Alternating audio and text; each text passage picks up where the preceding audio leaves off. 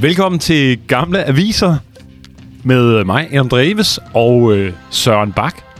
Hej. Hej, og velkommen til Påske Edition. Påske edition, intet mindre. Det er jo Simpelthen. påske, og selvfølgelig er det her jo så en uh, påske edition. Ja. Det kan ikke være anderledes. Så vi har et påskeæg til jer, fyldt med mange spændende godter. Oh, oh.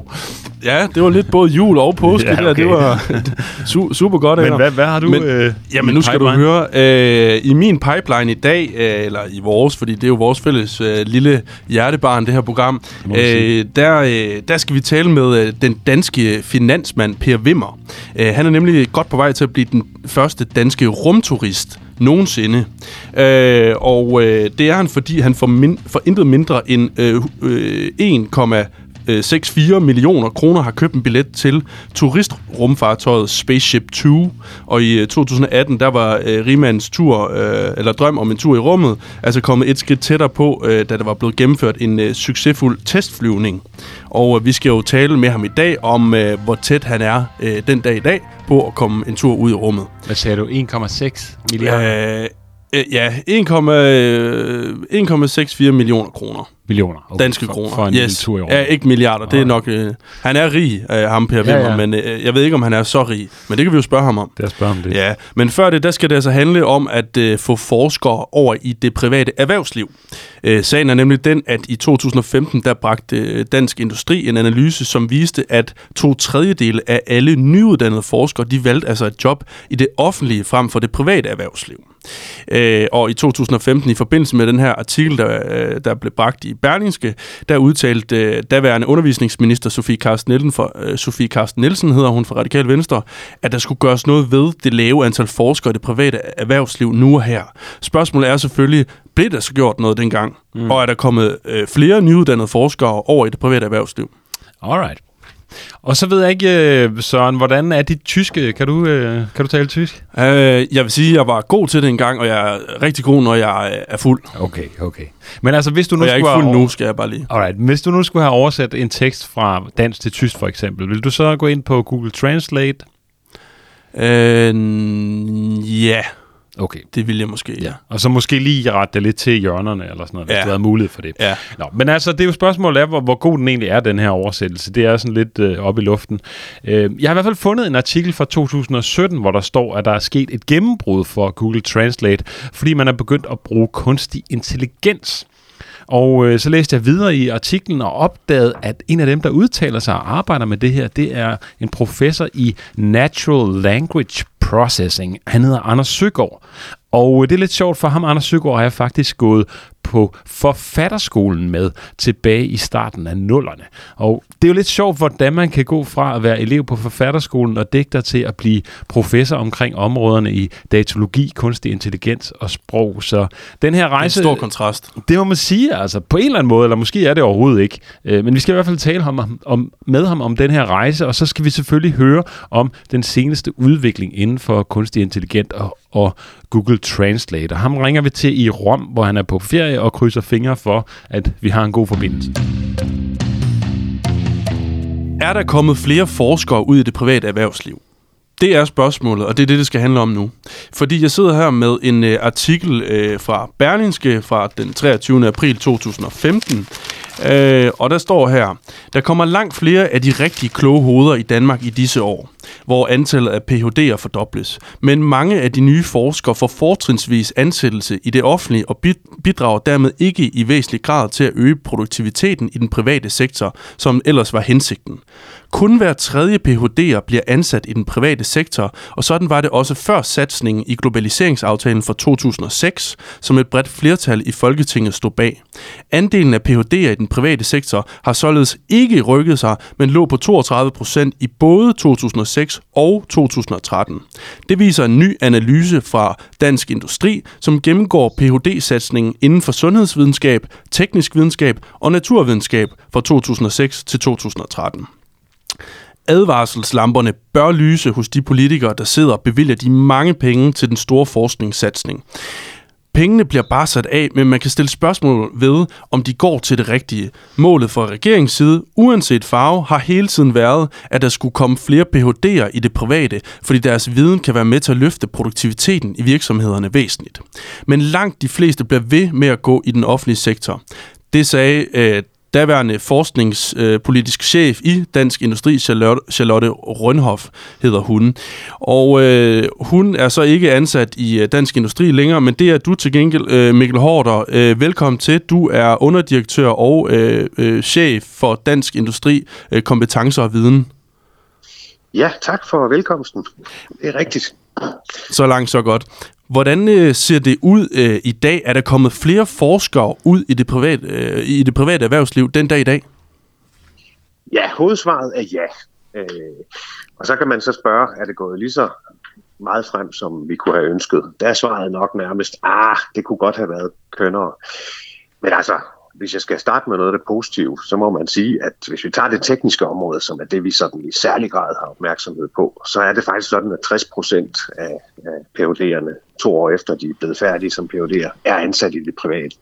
Og det er, det er 9 procentpoint mere, end det var tidligere. Så det er gået frem der, må man sige. Øh, hvis du tager gennemsnit på det, så er det også gået lidt frem. Men man kan spørge sig selv, om, om det er nok. Øh, og, og øh, der må man jo nok tage med i, i, i overvejelserne, at der er en vis... Øh, der er jo nogle forudsætninger, der skal til for, at man kan producere PUD'er. Og det brugte de de første mange år på. Altså, der skal jo være nogle forskere til at lave en forskeruddannelse. Mm. Så det, altså, det burde jo være sådan, at, øh, at efterhånden som vi får skabt hvad skal vi sige, infrastrukturen øh, til at, at, at bedrive phd uddannelse så kan, vi, så kan vi få flere ud i private. Mm. Og det er der da også en tendens til synes mm. jeg, man kan sige. Så, så det er okay. Øh, det kunne være bedre. Vi kunne have øh, vi kunne have endnu bedre tal. Vi kunne også have flere PUD'er i det hele taget. Altså, øh, der har været sådan en stagnerende tendens siden 2013. Øh, det er en lang historie om, at globaliseringsaftalen fra 2006, den, øh, lagde en milliard i, i phd uddannelser og der, der fik man jo altså virkelig gjort noget. Vi kom op på et, et, et højt niveau, og nu stagnerer det sådan lidt. Og ja. jeg tror ikke, det er fordi, at behovet er stagneret. Nej, jeg, kan, jeg kan lige sige til lytterne, bare lige hurtigt, uh, undskyld afbrud, det var bare lige globaliseringsaftalen der fra 2006. Altså hensigten med den var jo netop at styrke uh, altså phd området og, og, og, og få flere ud i uh, det private erhvervsliv, bare så alle er med på det. Ja, altså det var jo på mange måder en meget fremsynet aftale, som virkelig prioriterede forskningen i Danmark. Og øh, det er da en af de ting, jeg går sådan og tænker lidt over, om ikke snart vi har brug for igen. Ja. Men, men Mikkel Horter, det er noget med, fordi at, øh, vi, vi talte jo sammen kort øh, den anden dag, og, og det er noget med, at I har faktisk øh, øh, I har netop øh, lavet en helt frisk analyse på præcis det her område. Ja, det er sjovt, du lige ringede der i går. Øh, vi sidder og regner på det, øh, og nu, nu skal jeg lige regne det igennem et par gange, før vi sender den ud, den analyse, vi har lavet. Men vi har faktisk fulgt op på det. Ja. Så det er derfor, jeg kan være så forholdsvis præcis i, øh, i bedømmelsen her. Øhm, og det afspejler jo det, at vi laver den analyse, at, at det her det er vigtigt. Øh, det er noget, som er vigtigt for virksomhederne, det er noget, som er vigtigt for, at øh, produktiviteten stiger, at øh, innovationen holder fast osv. I det hele taget mm. ja, det er jo en forudsætning for, at vi har et, et rigtigt samfund. Mm. Så, så det er noget, der ligger virksomhederne i den grad på, øh, på, på sind, ja. at, øh, at, at, at vi, vi har de PUD'er, vi skal bruge. Ja. Okay. Og, øh, og, og, og vi ligger omkring 2.100 i årsproduktion i øjeblikket.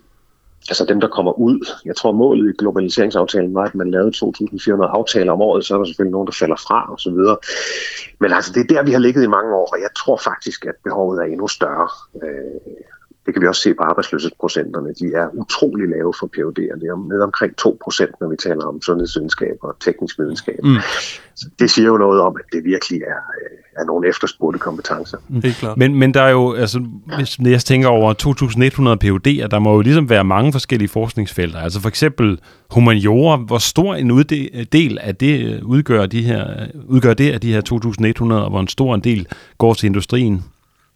Jamen, øh, nu er det jo svært at sige industrien. Der er jo altså universiteterne har også forskningsmiljøer på det tekniske og sundhedsvidenskabelige ja, område. Ja. Men, men hvis, du, hvis du kigger på humaniora og samfundsvidenskab, de udgør, som jeg husker det, mindre end en femtedel. Øh, jeg tror, det er 17 procent af, optagende PhD'er. Okay her sidst vi har talt på det. Og det er faktisk mindre, end det var i 2013, som er det år, som øh, den artikel, du læste op fra, handler om. Så øh, altså, der, der er sket en, øh, en forskydning over mod det, vi kalder det våde område, altså naturvidenskab, teknik og, øh, og, øh, og, øh, og, øh, og sundhedsvidenskab mm.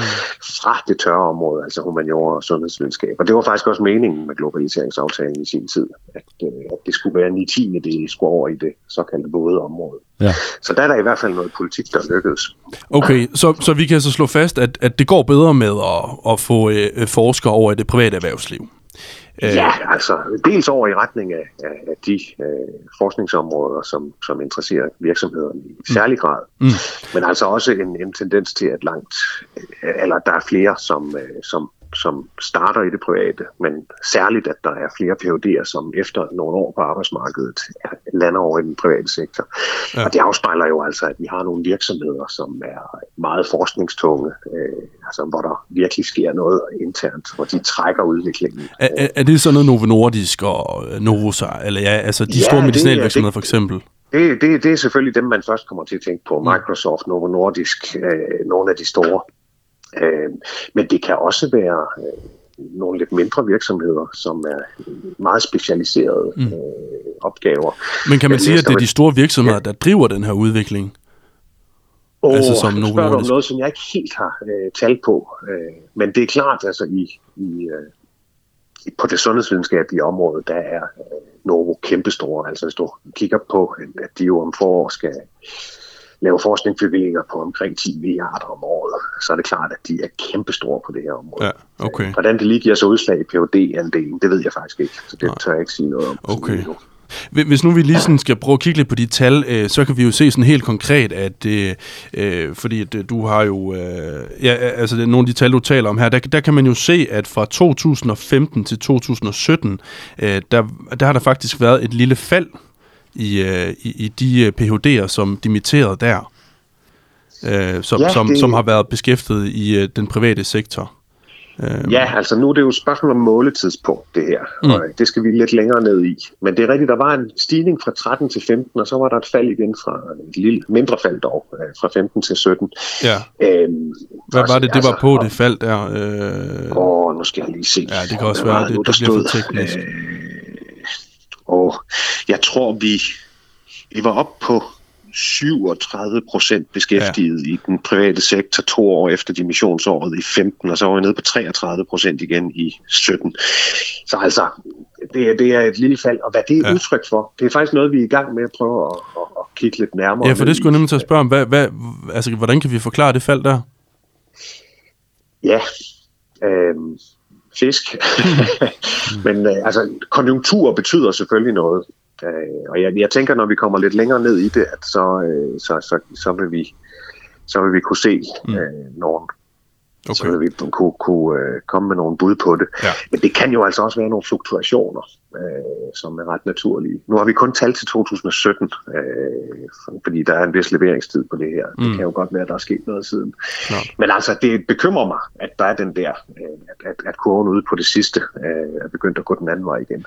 Hvis det er udtryk for, at uh, man styrker forskningsmiljøerne på universiteterne ved at ansætte nogle forskere osv., så er det jo fint. Uh, hvis, hvis det giver anledning til, at der kommer nogle flere PUD'er ud i den anden ende. Men jeg ved det simpelthen ikke. Nå, fair. Okay.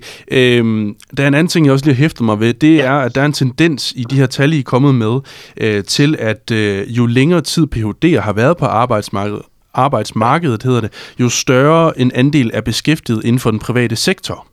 Ja. Øh, og der står her, blandt PhD'er dimitteret i 2013 var kun 26 procent af dem beskæftiget i den private sektor målt et år efter dimission. Efter fire år var det 37, og efter ja. seks år var det 40 procent af PhD'erne øh, fra årgang 2013 beskæftiget i den private sektor. Så der er en tendens til, at, altså, at jo længere tid man, øh, man har været på arbejdsmarkedet, jo, øh, jo flere kommer så øh, ind, på, øh, ind i den private sektor.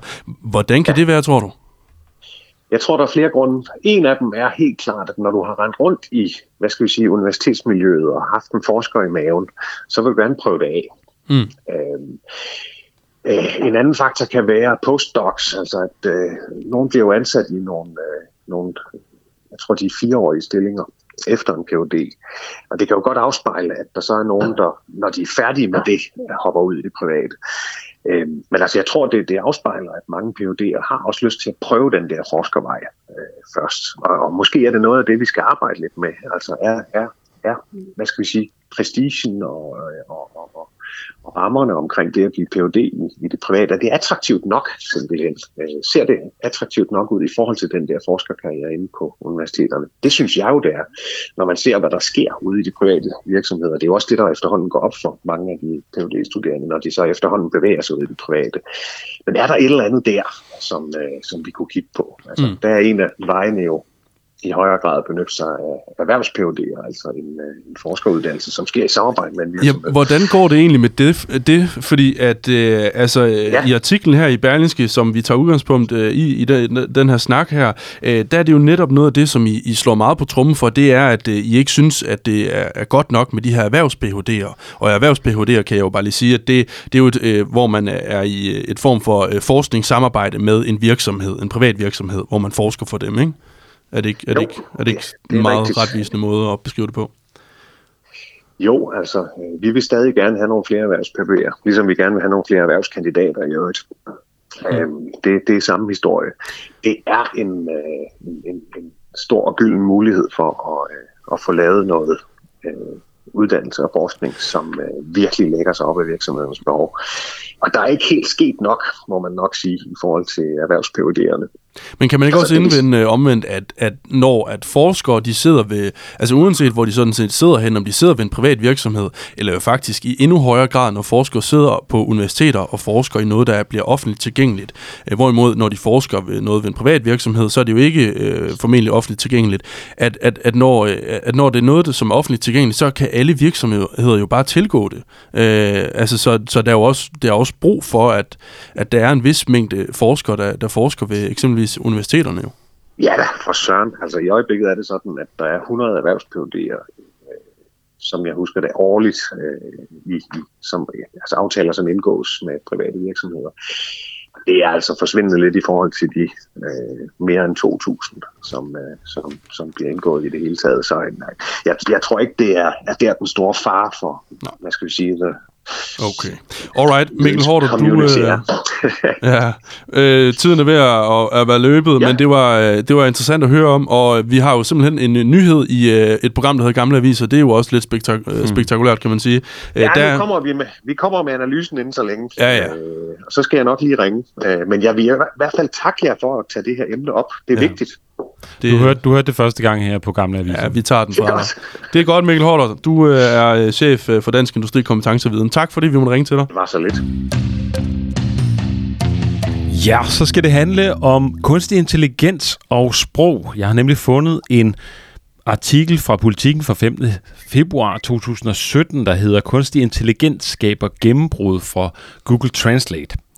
Der, nu læser jeg fra artiklen. Google Translate kommer i fremtiden til at spytte mindre volapyk ud, når folk i sproglige, er i sproglige vanskeligheder og beder om tjenesten til at oversætte fra et sprog til et andet. Oversættelsesprogrammet, som hjemme er flittigt brugt af blandt andet skoleelever og en række virksomheder, har nemlig taget et markant teknologisk fremskridt. Udviklingen betyder, at programmet ikke længere oversætter ord for ord, men kigger på hele sætninger og sammenhæng mellem ordene. Bolette Stan Sandford Petersen, professor i sprogteknologi på Københavns Universitet, kalder udviklingen et gennembrud, som brugerne kan mærke. Den store udfordring, når man oversætter, er semantikken, altså indholdet. Det naturlige sprog er utrolig varieret, og ord har mange forskellige betydninger. Det former sig efter de omgivende ord. Det betyder, at jo flere af de omkringliggende ord, du kan tage med i dine beregninger, jo bedre kan oversættelsen blive, siger hun. Denne ændring betyder, at, det kan, at den kan tage mere kontekst med, og det vil gøre en rigtig stor kvalitetsforskel. Det er en vej til en langt bedre oversættelse. Men teknisk er Google gået over til at benytte det, mere teknisk er Google gået over til at benytte det, man kalder neurale netværk i sin computeroversættelse. En form for kunstig intelligens, eller i hvert fald meget avancerede computer, som efterligner måden menneskehjerner fungerer på. Populært sagt fortæller Anders Søgaard, professor i datalogi på Københavns Universitet, bruger Google en computer med en meget stor regnekraft, der gør den i stand til at se mønstre i meget store mængder data om de forskellige sprog. Google er det første, som tager denne konkrete teknologi i kommersiel anvendelse, men ifølge Anders Søgaard er computere generelt set på det seneste blevet markant bedre til at oversættes. I løbet af de seneste to år er hele maskinoversættelsesfeltet vendt på en tallerken. Grundlæggende bliver kvaliteten hele tiden bedre, og den udvikling er blevet accelereret af neurale oversættelser, øh, siger professoren. Og nu har vi altså professoren med på linjen. Velkommen til, Anders Søgaard. Tusind tak. Og du er jo i Rom, så der er lidt forsinkelse på linjen, øh, så det håber jeg lige lytterne vil bære over med. Og øh, inden vi skal høre om den seneste udvikling inden for øh, digital oversættelse, eller maskinoversættelse, kan, som man også kan kalde det, så vil jeg jo lige bekende, at vi to faktisk øh, kender hinanden. Øh, vi har gået øh, på forfatterskolen sammen tilbage i nullerne. Det er nemlig rigtigt. Øhm, så kan du ikke starte med at fortælle, hvordan i alverden man går fra at være digter på forfatterskolen til at blive professor i sprog og kunstig intelligens og den slags? Jo, men det kan jeg godt. Øhm, en af vores øh, undervisere dengang, øh, Adam, var, var P.O. Brandt, jeg tror, han skubbede lidt i den retning. Men jeg har altid øh, været sådan nogenlunde lige interesseret i kunst og forskning, og, mm. og ser lidt det hele som et forsøg på at blive klogere på verden. Mm-hmm. Så, så, så er det måske ikke så underligt for dig i virkeligheden at gå fra at, at stide og skrive digte til at og, øh, arbejde med kunstig intelligens? Nej, det fungerer ret fint. Lige i øjeblikket øh, har jeg fået et legat fra Statens Kunstfond, der sidder sådan hver onsdag og, og tager en digterhat på, og resten af ugen, så, så snakker jeg om noget det der. Det okay, så du er onsdagsdigter, simpelthen øh, finansieret af Statens ja, Kunstfond. Fantastisk. Øh, ja, men jeg kan jo huske dig som en meget intelligent ung mand, der jo kom på forfatterskolen som 18-årig, og øh, ja, som du nævner, så professoren der, øh, Pierre Brandt, som jo desværre lige er død, som var professor i semiotik, så vidt jeg husker, jamen han tog så ligesom øh, dig under sit vinge og, og fik dig smidt i gang med det her. Øhm, og så der mødte jeg dig på gaden, når du fortalte, at du havde fået institut øh, opkaldt efter dig. Er det korrekt? Eller ikke opkaldt, men i hvert fald med det, du arbejdede med. Øhm, det ved jeg simpelthen ikke, hvad det er for en røgelse, okay. jeg har det. det kan være, det ikke... Jeg tror ikke, jeg har fundet opkaldt efter mig. Alright. Øhm. Ikke nu. Men lad os prøve at gå til sagen så, øh, og, og, og hoppe lidt væk fra det private her. Hvor er vi henne i dag med hensyn til øh, automatiske oversættelser og, og øh, mekanisk maskinoversættelser, som det også hedder? Ja, altså vi er i hvert fald noget længere. Det var sjovt at høre, øh, jeg læste op på den her artikel fra 2007. Det var sådan et øh, gammelt klassefest-agtigt og lige pludselig kunne jeg godt huske, øh, hvordan vi stod med ting. Der er, jo, der er i hvert fald sket øh, en masse, som I sagde, så er jeg i Rom nu, og, og ja. render rundt og bruger Google, Google Translate hele tiden. Okay. Øh, og det tror jeg ikke, jeg gjorde i 2007. Øh, ja, 17 er det. I det hele taget. Men, var det i 17? Ja, det var 17. Altså det, der er det helt nye her i, i 17, det er jo, at den begynder at tage højde for hele sætningen, i stedet for bare hver enkelt ord. Øh, er, det, øh, er det virkelig old school nu til dags? Det er nok rigtigt, at i 17 der overgik det til øh, at bruge, øh, bruge neurale netværk. Mm. Det kan sagtens være at bruge transformermodeller. Øh, det, som, som næsten al øh, kunstig intelligens og, og, og sprogteknologi bygger, bygger på i dag, er øh, øh, det, der hedder transformerarkitektur, som er, er sådan en måde at, at udnytte noget af det regnekraft, vi har fået øh, gennem GPU'er. Gennem hvad, undskyld? De, gennem GPU'er. Hvad er det for noget?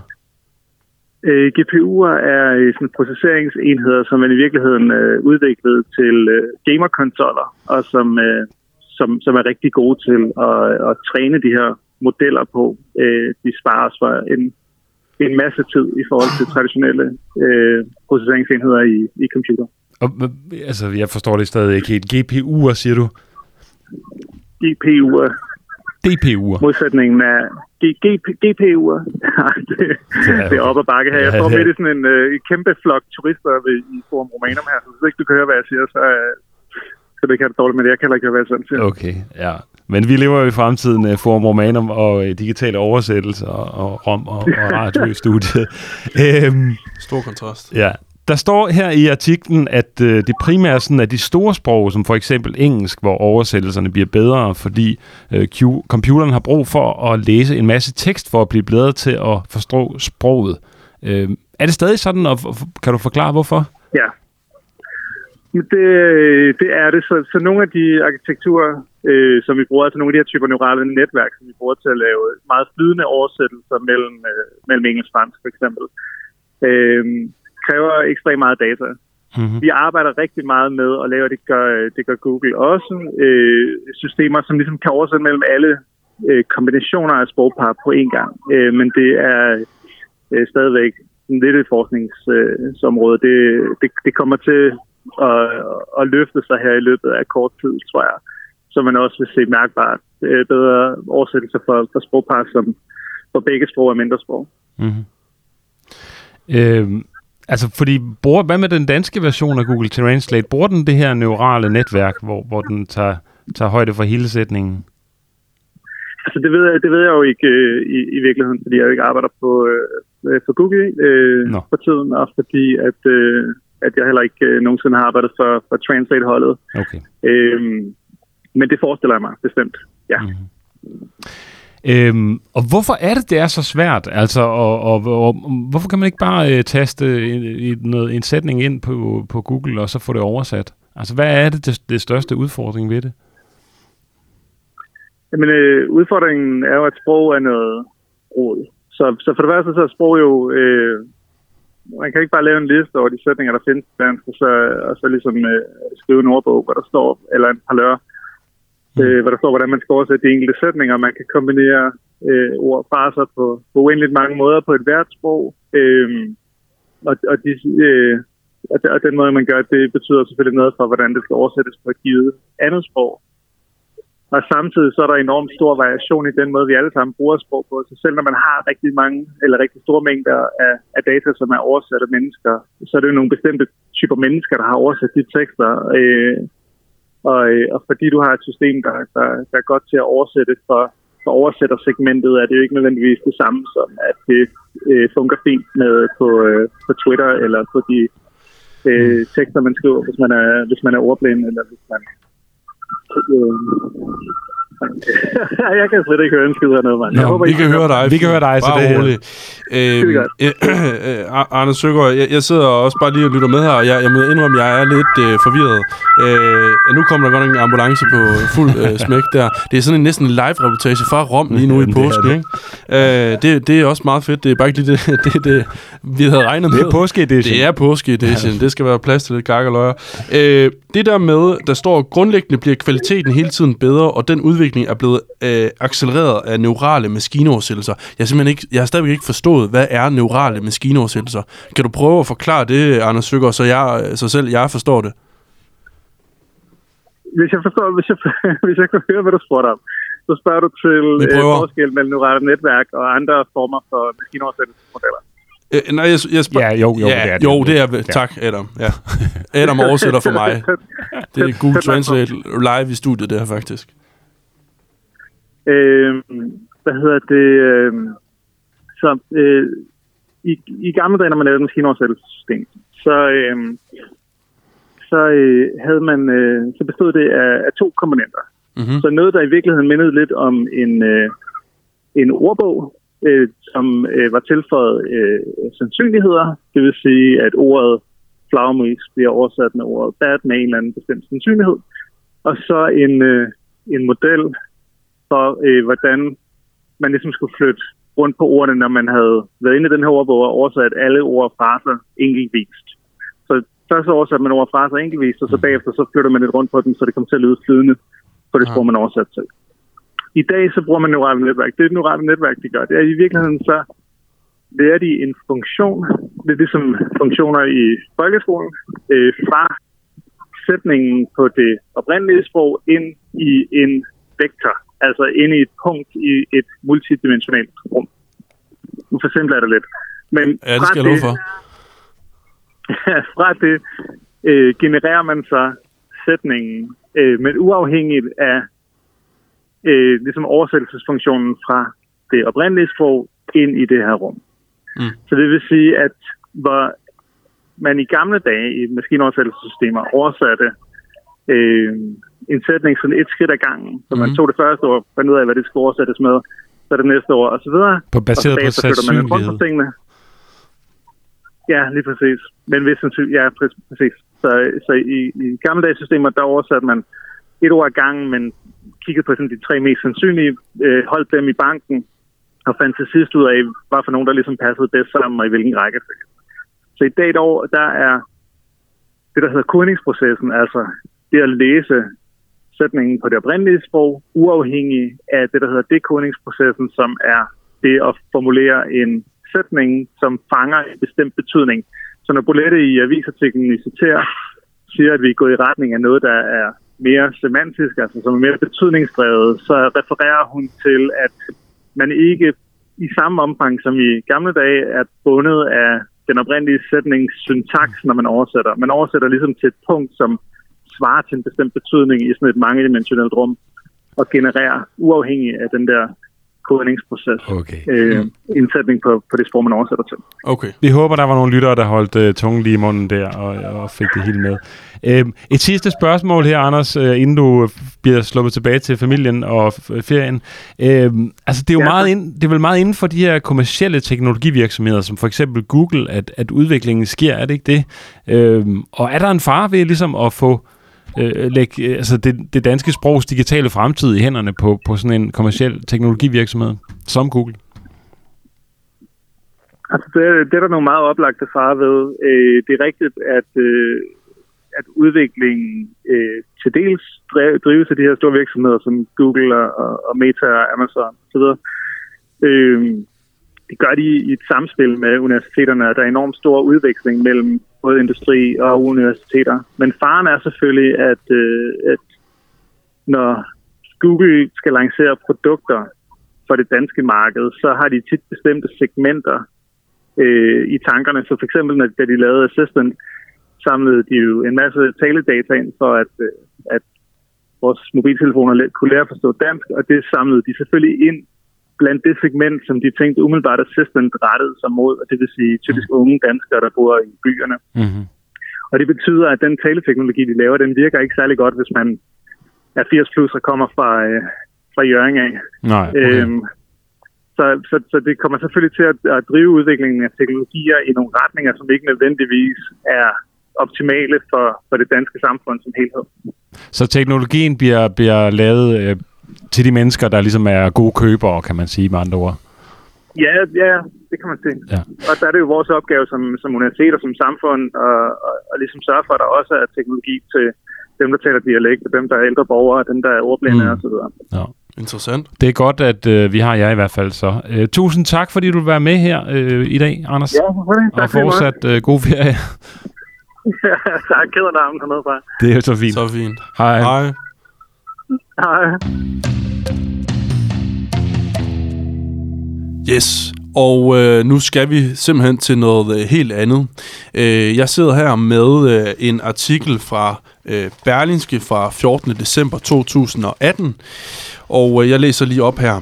Øh, drømmen om en tur i rummet er kommet et skridt nærmere for den danske finansmand og rumentusiast Per Wimmer. Han har en billet til turistrumfartøjet Spaceship 2, som torsdag gennemførte en vellykket testflyvning fra Kaliforniens ørken og 80 km op i atmosfæren til kanten af rummet. Det lykkedes os endeligt at komme helt op til rummet. Jeg er super glad og meget begejstret, siger øh, Per Wimmer her i artiklen. Vi er, vi er den sidste del af testfasen. Det betyder, at jeg nu er et kæmpe skridt tættere på at komme ud i rummet som astronaut, siger Per Wimmer. Han fortæller, at der nu udstår en lang række test og opsendelser, inden at de amerikanske luftfartsmyndigheder i sidste ende skal vende tommelen op. Han tør dog ikke sætte en tidsramme øh, for, hvornår rumfartøjet er klar til at flyve ud i rummet. Det er den britiske rigmand Richard Bransons rumselskab Virgin Galactic, som står for opsendelsen. Per Wimmer har betalt øh, 250.000 dollar, svarende til øh, 1 million øh, eller 1,64 millioner kroner for en billet til rummet. Ifølge Reuters har over 600 personer betalt et depositum for en rejse. Blandt dem er skuespilleren Leonardo DiCaprio og popstjernen Justin Bieber. Og nu kan vi altså byde velkommen til dig, øh, forretningsmand og øh, indehaver af Wimmer Financials i London. Per Wimmer, velkommen til. Tusind tak. Øhm, du turde ikke sætte en tidsramme på, hvornår du øh, skulle øh, med, altså med det her rumskib afsted op i rummet. Tør du det i dag? Ja, det synes jeg. Øh, vi, øh, vi, øh, som også artiklen sagde der, så var der stadigvæk nogle, øh, nogle tests og lidt usikkerhed omkring tidslinjen på de tests. Øh, men i dag der er, det, der er det således, at øh, mange af de tests er nu udført og udført succesfuldt. Så, så nu er vi efterhånden ved at være i, i, i slut- og sprintfasen efter, efter mange trials. Um, så jeg uh, regner meget kraftigt med at komme, og komme op og flyve i rummet i uh, næste år. Altså, så, så jeg er ved at gøre klar øh, til det, øhm, og, og raketten er også øh, klar og så videre. De har de, de sidste par tests tilbage, og så, og, og så flyver vi, så øh, det ser rigtig godt ud. Vi havde i øvrigt også øh, i sommeren sidste år, øh, så for ni måneder siden, der var Richard Branson jo op i selv samme rumskib, øh, og, og, og det virkede jo fint. Altså han kom op, og han kom kom ned igen sikkert osv., og, og det er det samme øh, rumskib, jeg skal ud og flyve med. Så vi ved, det virker, men øh, vi skal selvfølgelig aflægge de sidste test for at være 100% sikker, at alt virker som øh, efter planen. Ja, okay. Så, så altså, er der en konkret dato for, hvornår det kommer til at ske? Eller er det inden for et års tid? Det er den tidsramme, vi arbejder Nej, med? ikke nu. Øh, vi, skal have den, vi skal have den endelige øh, godkendelse øh, internt også, øh, så vi, de er ikke sat dato på endnu. Men i og med, at vi er så tæt på, og i og med, at jeg, jeg står helt op foran i køen, øh, i og med, at jeg er founding astronaut, altså grundlæggende astronaut med programmet her, så bliver jeg en af de første, der bliver sendt afsted. Og, øh, og det regner vi med bliver i 2023. Okay. Og hvordan træner man så helt konkret til at skulle øh, ud i rummet? Der er en del, man skal være øh, opmærksom på og vende sig til. De to hovedting, det er for det første at vende kroppen til at være i en vægtløs tilstand, det vil sige flyve rundt, som var man en fugl. Det er kroppen ikke vant til, og det kan man træne. Det har jeg gjort konkret ved at flyve vægtløs træning. Det vil sige, at jeg har taget en, sat mig ind i en cargoflyver, fløjet op i en højde af cirka 16 km, og så styrtdykket ned i 30-40 sekunder gangen med en, en, en, øh, en acceleration, øh, der svarer til tyngdekraften. Og dermed opstår der minus G plus G, det vil sige 0 G, det vil sige vægtløshed i de her 30-40 sekunder ad gangen så kan man sådan flyve op og ned, op og ned, øhm, og dermed fuldstændig simulere, hvordan det er på kroppen, og være en vægtløs tilstand. Hvad er en cargoflyver? Den anden ting, en cargoflyver, ja, præcis. Ligesom en, øh, var det en øh, DHL-flyver. I, det, I mit tilfælde, så gjorde jeg det i Rusland, så det var en uh, Illusion en uh, 76 uh, flyver. Hvad er det? Hvad er det for en flyver? Er det sådan, der, uh, det er en, det er en, bæreting, eller det er en, det, det er en Illusion 76, som er en, en, er en af de der store, store uh, super jumbo jet, som du vil. Du ser nogle gange, når, der er, ja. når de sender nødhjælp ud til, uh, til, til nødlægte steder rundt omkring i verden. Ja. Altså, så det er, det er en af de største, der findes. Så det er sådan en, du hopper træner... fra, eller hvad? Nej, det er inde uh, i nej, den, det er sådan en, vi træner ah, ind i. I altså, vi er, vi er inde i. Okay. Vi, sidder, vi bliver inde i flyveren, vi kommer ikke ud, okay. men uh, flyveren styrtdykker sådan ja. set, øh, oh. så sætter kursen ned mod jorden, så det ser ret farligt ud og markabert ud. Øh, men for de her 16 km, der, der, der sætter den så øh, mere og mere fart på, på vej ned, således at vi ender med at falde med, hvad der står til tyngdeaccelerationen. Så, så det, det er, der, der er lidt matematik og lidt, øh, lidt akrobatik der. der og så, der så bliver man vægtløs øh, inden i flyet, så at sige, og så kan man hoppe rundt, ligesom man ser, de gør i, i øh, Ja, lige præcis. Så man kender det måske selv øh, for at sammenligne det. Nogle gange, hvis man er ude at flyve i en almindelig flyver fra hvad hedder det, København til London, og der måske lige er et øh, lufthul, øh, mens man kommer, så, så nogle gange så, så, så falder flyveren øh, lidt, og man letter lidt i sædet, sådan set. Øh, det, det er lidt, lidt i den stil, øh, dog er det dog meget mere kraftigt selvfølgelig, ikke? men, det, men det, det er lidt tilsvarende. Mm. Okay, øhm, så, så siden øh, artiklen der i, i 2018, da Berlingske talte øh, med dig der, hvad, hvad er det så helt, øh, du siger, der er nogle testflyvninger, der er gået, og, og der er gået godt øh, siden dengang. Hvad er, der, altså, hvad, hvad er der helt konkret sket øh, siden øh, dengang? Vi har haft, øh, vi har haft nogle succesfulde test, øh, så vi har sendt Spaceship 2 op i, øh, ja, først var det op i lige under 90 km højde, og derefter var det øh, Øh, lidt yderligere op i øh, endnu en testflyvning, og så var Richard Branson endelig til, til sidst op. Så, så det vi har gjort, det er simpelthen, at vi har sendt øh, raketten op i højere og højere højder, øh, hvor man simpelthen har prøvet øh, forskellige ting øh, teknikmæssigt, øh, om, og, om, og, for at være sikker på, at det virker. Øh, det er det. Og så har der selvfølgelig også været nogle tester fra et sted nede på jorden, øh, hvor man har taget maskinen og, og motoren ud af det og foretaget nogle, øh, nogle, nogle tests ude i Mojave-ørkenen, øh, hvor, man, hvor man tænder for motoren, og så kommer der en stor iflamme ud og sådan ting, og så måler man sig på, hvordan, hvordan brændingen er, og, og, og alt går, som det skal. Så, så der, der, det er den slags ting, der har, der har fundet sted. Mm, okay. Øh, og, du, og du beskrev det der med, øh, hvordan I, I sidder op i det her fly her, som så styrtdykker, og så øh, øver jer i, i vægtløshed. Øh, hvordan, er der andre ting, man ligesom skal forberede sig på, inden man skal øh, op i rummet? Ja, det er der. Øh, en anden meget vigtig ting er, at man skal vende kroppen til at kunne modtage de her store G-tryk, øh, som man må forvente at få, når man flyver i rummet. Det er, jo, det er jo således, at man skal op i en meget høj fart for at frigøre sig fra jordens øh, tyngdekraft. Øhm, og helt konkret, øh, så fungerer det på den måde, at, at vi flyver op i et moderskib, der har rumskibet siden og nede på maven, øh, altså under maven, om man vil. Og igen i 16 km højde cirka, så bliver det rumskib frigjort og derfra så skyder man så op, øh, op på vej øh, mod, mod rummet. Og den acceleration øh, der, der, og den hastighed, man kommer op på der, øh, svarer til mellem 3 til 5 gange lydens hastighed. Så det er, en, det er en ret hurtig hastighed, der skal til for at frigøre sig. Det svarer til, øh, hvis man kører meget, meget hurtigt på motorvejen, eller accelererer hurtigt på motorvejen i en bil, der bliver man også rykket tilbage i sædet det er igen bare et helt andet målstok her. Det er, det er mere end et, bare et, et, et mildt tilbageryk. Hvad er det for en det målstok? Man, det skal, uh, ja, man kan sige, hvis du, hvis du kører i en bil, så, så er det måske... Det ved jeg ikke, det er ikke...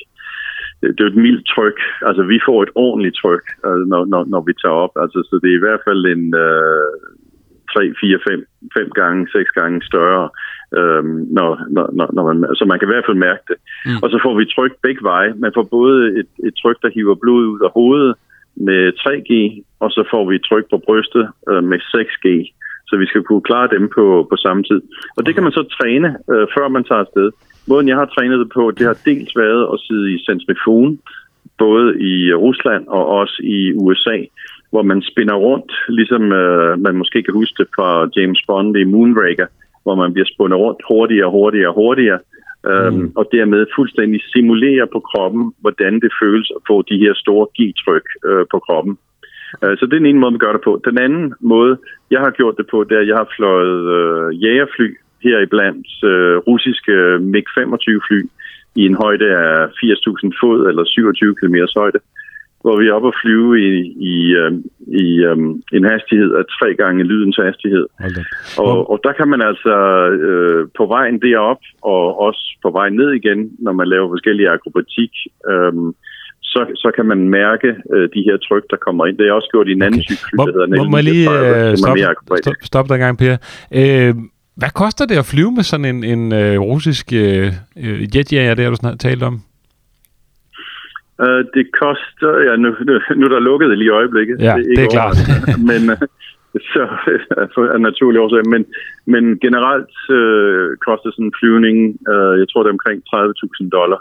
Okay. Um, og den var lige over en time.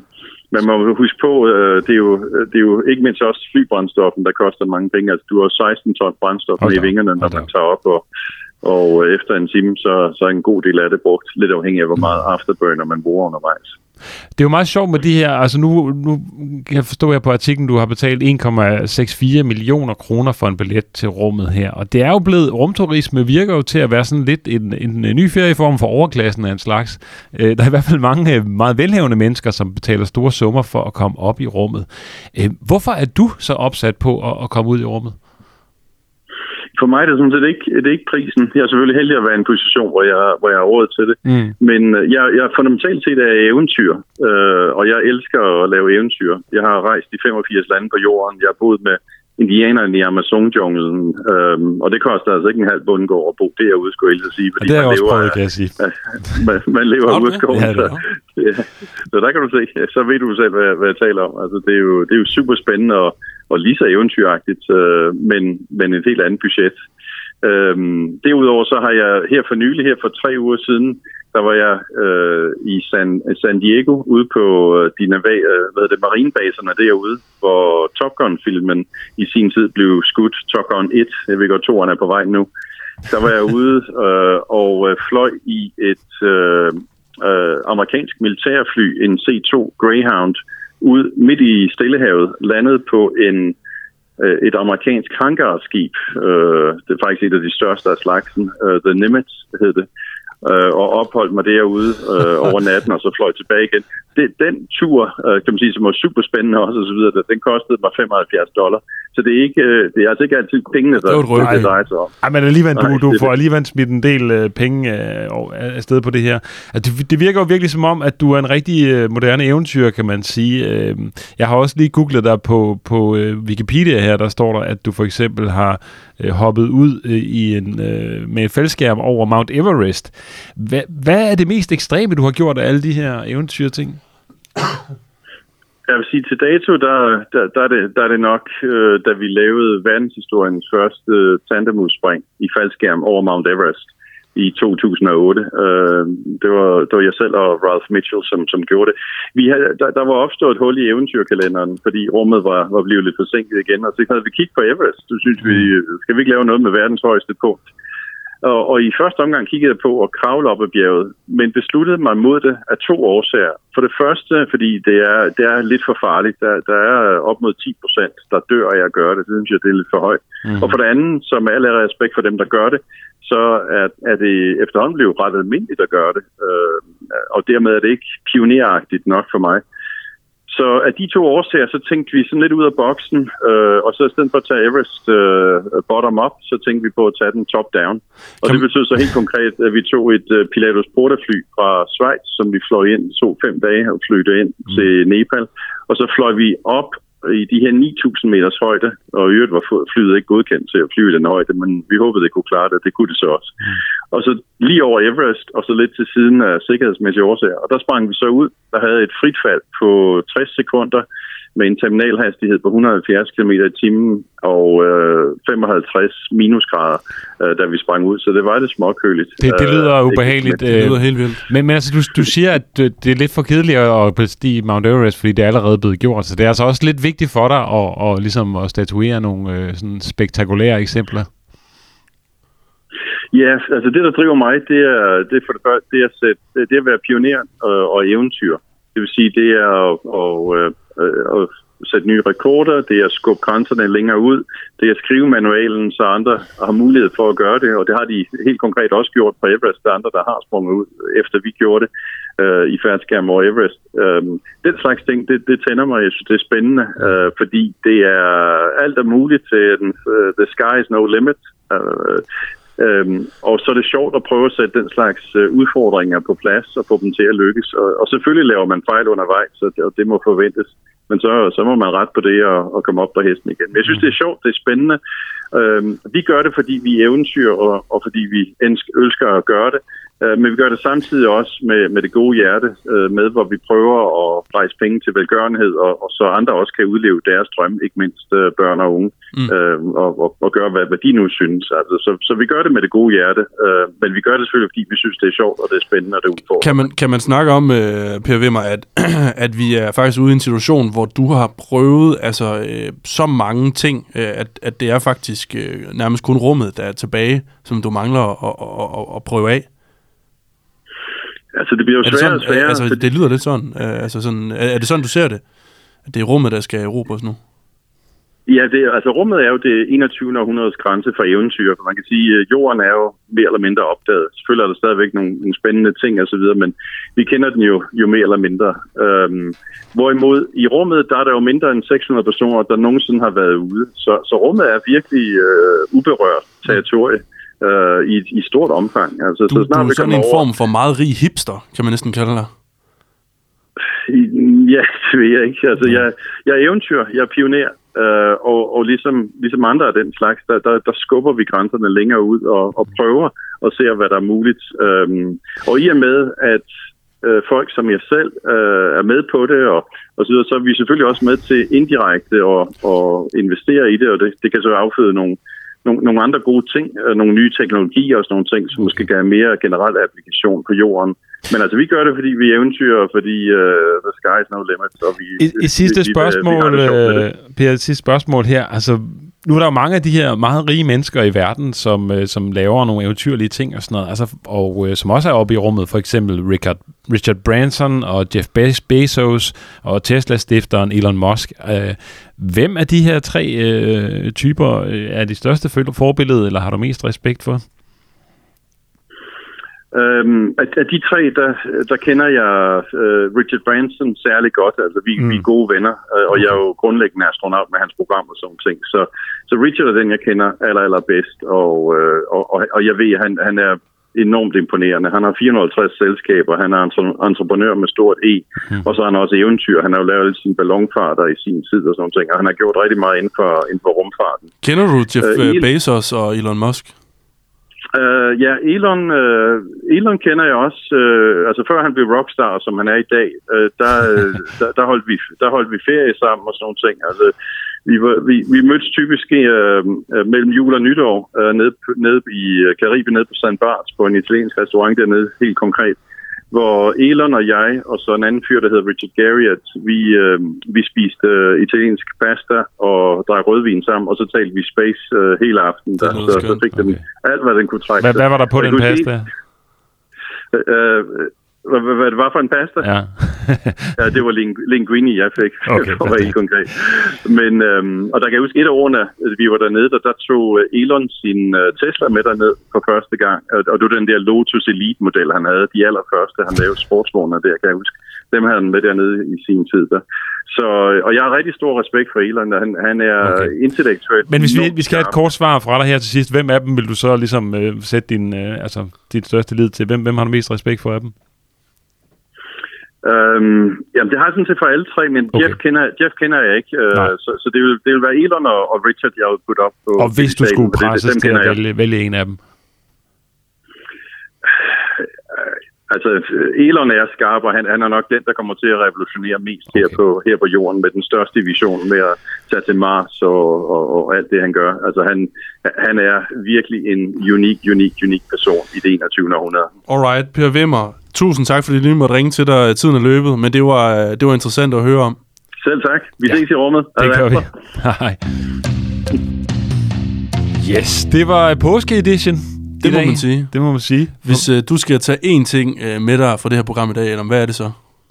Det er, at øh, jeg følte, jeg blev inviteret lidt med af Per Wimmer til en tur i rummet. Var det ikke det, han sagde, vi ses? Så måske jo, vi skal vi prøve at holde os lidt gode venner med ham eller noget, så vi kan komme en tur op. Ja, du skal bare lige have det et par millioner smidt efter den billet der, men øh, ellers er jeg sikker på, at det, det nok skal gå. Ja, men det var det, jeg tænkte, jeg kunne få en baglomme.